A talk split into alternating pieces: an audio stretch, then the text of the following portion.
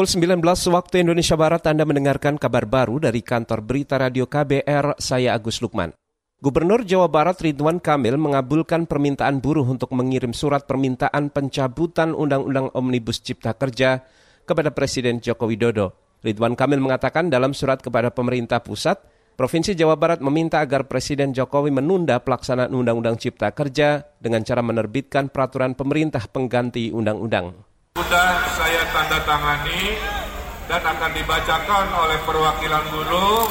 Besok pagi akan dikirimkan oleh pemerintah Provinsi Jawa Barat. Oleh karena itu, mohon didengarkan isi surat yang akan dibacakan oleh pimpinan dari buruh dan saya titip dia akan suarakan apa pun tapi jaga ketertiban dan jangan merusak fasilitas umum. Setuju? Itu tadi Gubernur Jawa Barat Ridwan Kamil saat menemui para demonstran di depan kantor Gubernur Jawa Barat. Sejumlah kepala daerah lain juga mengekspresikan penolakan terhadap pengesahan Undang-Undang Cipta Kerja. Hari ini aksi massa menolak Undang-Undang Cipta Kerja terjadi di berbagai kota besar. Di Jakarta aksi diwarnai bentrokan dan sejumlah moda transportasi berhenti beroperasi seperti MRT dan Transjakarta. Kepolisian mengklaim telah melakukan upaya pendekatan persuasif saat menghadapi demonstrasi menolak Undang-Undang Cipta Kerja pada hari ini.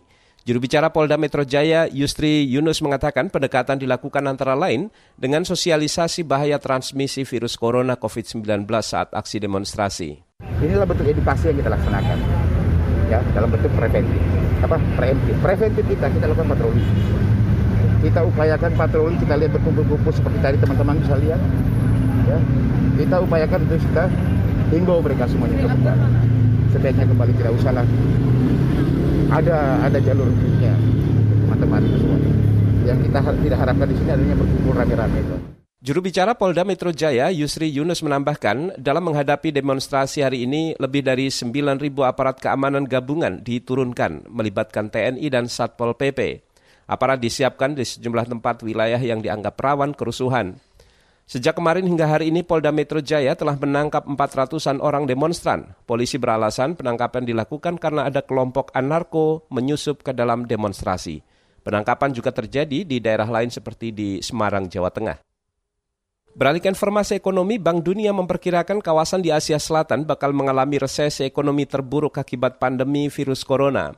Dalam laporan yang dikeluarkan hari ini, Bank Dunia menyebut jutaan orang yang tinggal di kawasan Asia Selatan jatuh ke jurang kemiskinan ekstrim. Mengutip Reuters, kontraksi ekonomi di negara-negara kawasan Asia Selatan diperkirakan mencapai minus 7,7 persen. Kelompok yang paling terpukul akibat resesi adalah kelompok pekerja sektor informal.